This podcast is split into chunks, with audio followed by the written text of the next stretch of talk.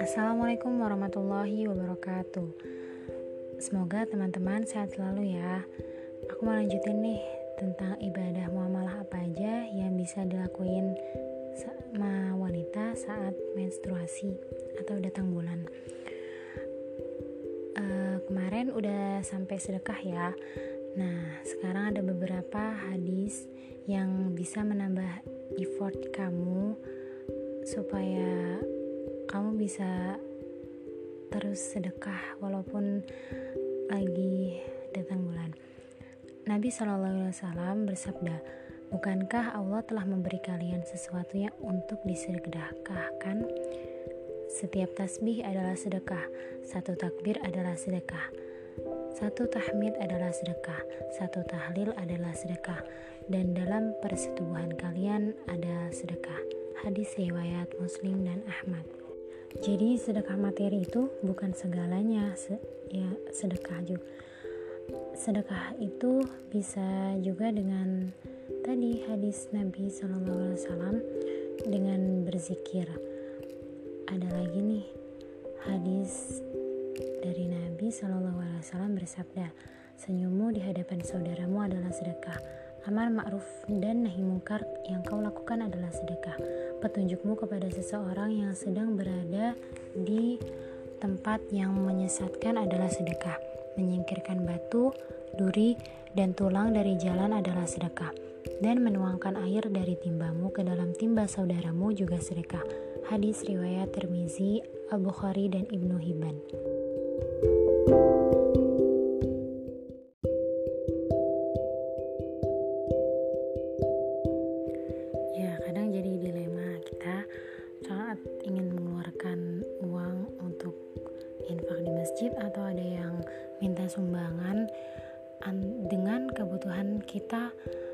Untuk keluarga kita untuk uh, jalan-jalan uh, kita gitu.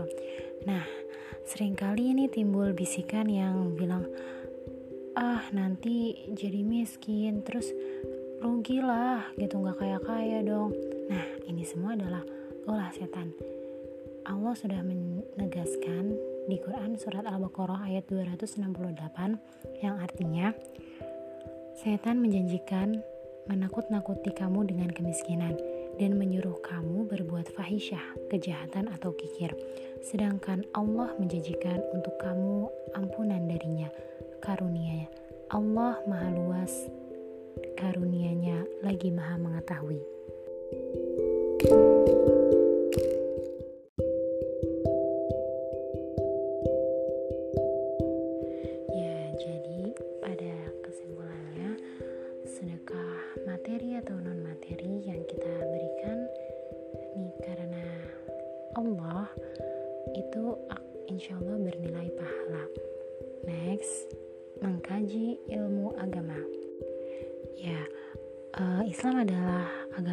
menjunjung tinggi ilmu. Bahkan pas wahyu pertamanya Rasulullah SAW saja Ikra bismi rabbikal ladzi khalaq. Bacalah dengan menyebut nama Tuhanmu yang menciptakan. Ikra itu artinya membaca. Jadi sebagai muslim kita dituntut bahkan diwajibkan untuk mengkaji ilmu ilmu agama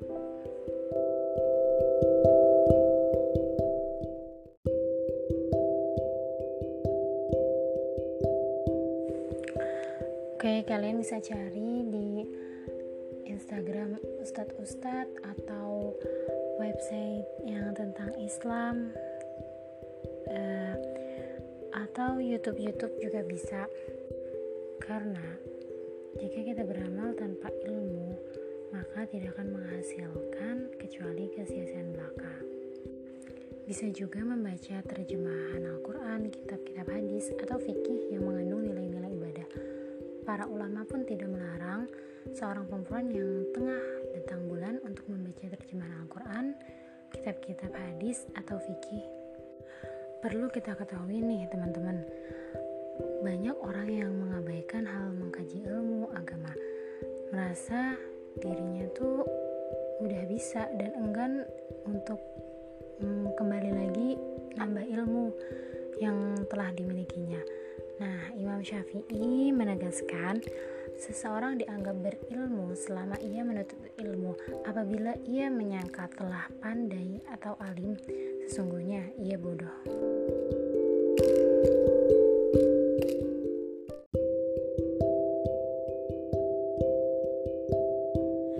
Ya, sejarah banyak mencatat perempuan Islam yang menonjol pengetahuannya dalam berbagai bidang ilmu, bidang ilmu pengetahuan ya tentunya uh, contohnya saja yang menjadi banyak rujukan dari sekian banyak tokoh laki-laki yaitu istri Nabi Aisyah radhiyallahu anha. Ya, beliau adalah seorang tokoh yang sangat sangat mendalam dalam pengetahuannya serta dikenal dengan sangat kritis juga uh, mendalami pengetahuannya sampai-sampai dikenal luas ungkapan yang dinisbahkan oleh sementara ulama sebagai pernyataan Nabi Shallallahu Alaihi Wasallam. Yang ulama ini maksudnya uh, berkata ambillah setengah pengetahuan agama kalian dari Al Humairah yaitu Aisyah.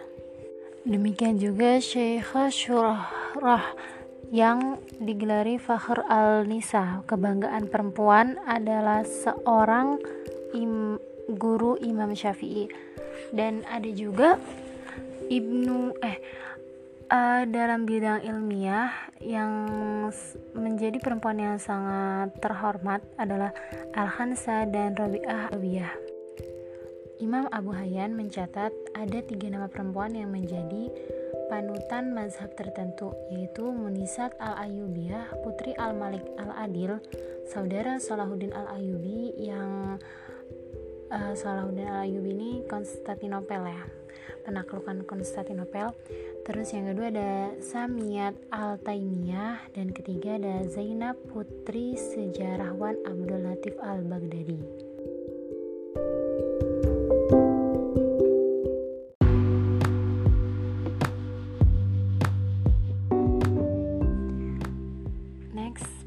menghormati tetangga. Ini adalah uh, sedekah yang sangat gampang banget ya teman-teman. Dan ada sabda Nabi SAW yang bunyinya dan siapa yang beriman kepada Allah dan hari akhir hendaklah ia memuliakan tetangganya. Hadis riwayat Bukhari Muslim. Bentuk penghormatan itu kayak gimana? Gampang ya. Caranya dengan tidak menyakitinya terus 3S jika bertemunya yaitu senyum salam sapa. Dan tetangga itu harus kita cintai karena dia adalah orang yang terdekat saat kita membutuhkan. Kalau saudara kan uh, ya kadang suka rumahnya jauh-jauh kan gitu. Nah tetangga inilah adalah orang yang sangat terdekat di lingkungan rumah kita tinggal gitu. Lalu jangan mengganggu atau tidak bertamu saat siang hari ya. Karena itu adalah waktu istirahatnya. Tidak terus tidak membuang sampah ke halaman rumahnya tidak berkata yang kasar gitu. Sabda Nabi Shallallahu Alaihi Wasallam barang siapa beriman kepada Allah dan hari akhir janganlah ia menyakiti tetangganya Hadis riwayat Bukhari, Ahmad, Ibnu Majah, dan Abu Daud. Lalu seandainya jika kita punya banyak tetangga, te lalu kita mempunyai hadiah. Nah, ini ada sedikit percakapan tentang Aisyah dan Rasulullah. Aisyah pernah bertanya kepada Rasulullah tentang siapa yang harus aku utamakan. Di, uh, ini Aisyahnya punya punya dua eh punya hadiah Aisyah berkata, "Ya Rasulullah, saya mempunyai dua tetangga, maka kepada yang manakah saya harus memberi hadiah?" Nabi SAW menjawab, "Kepada yang paling dekat rumahnya denganmu." Hadis riwayat Al-Bukhari.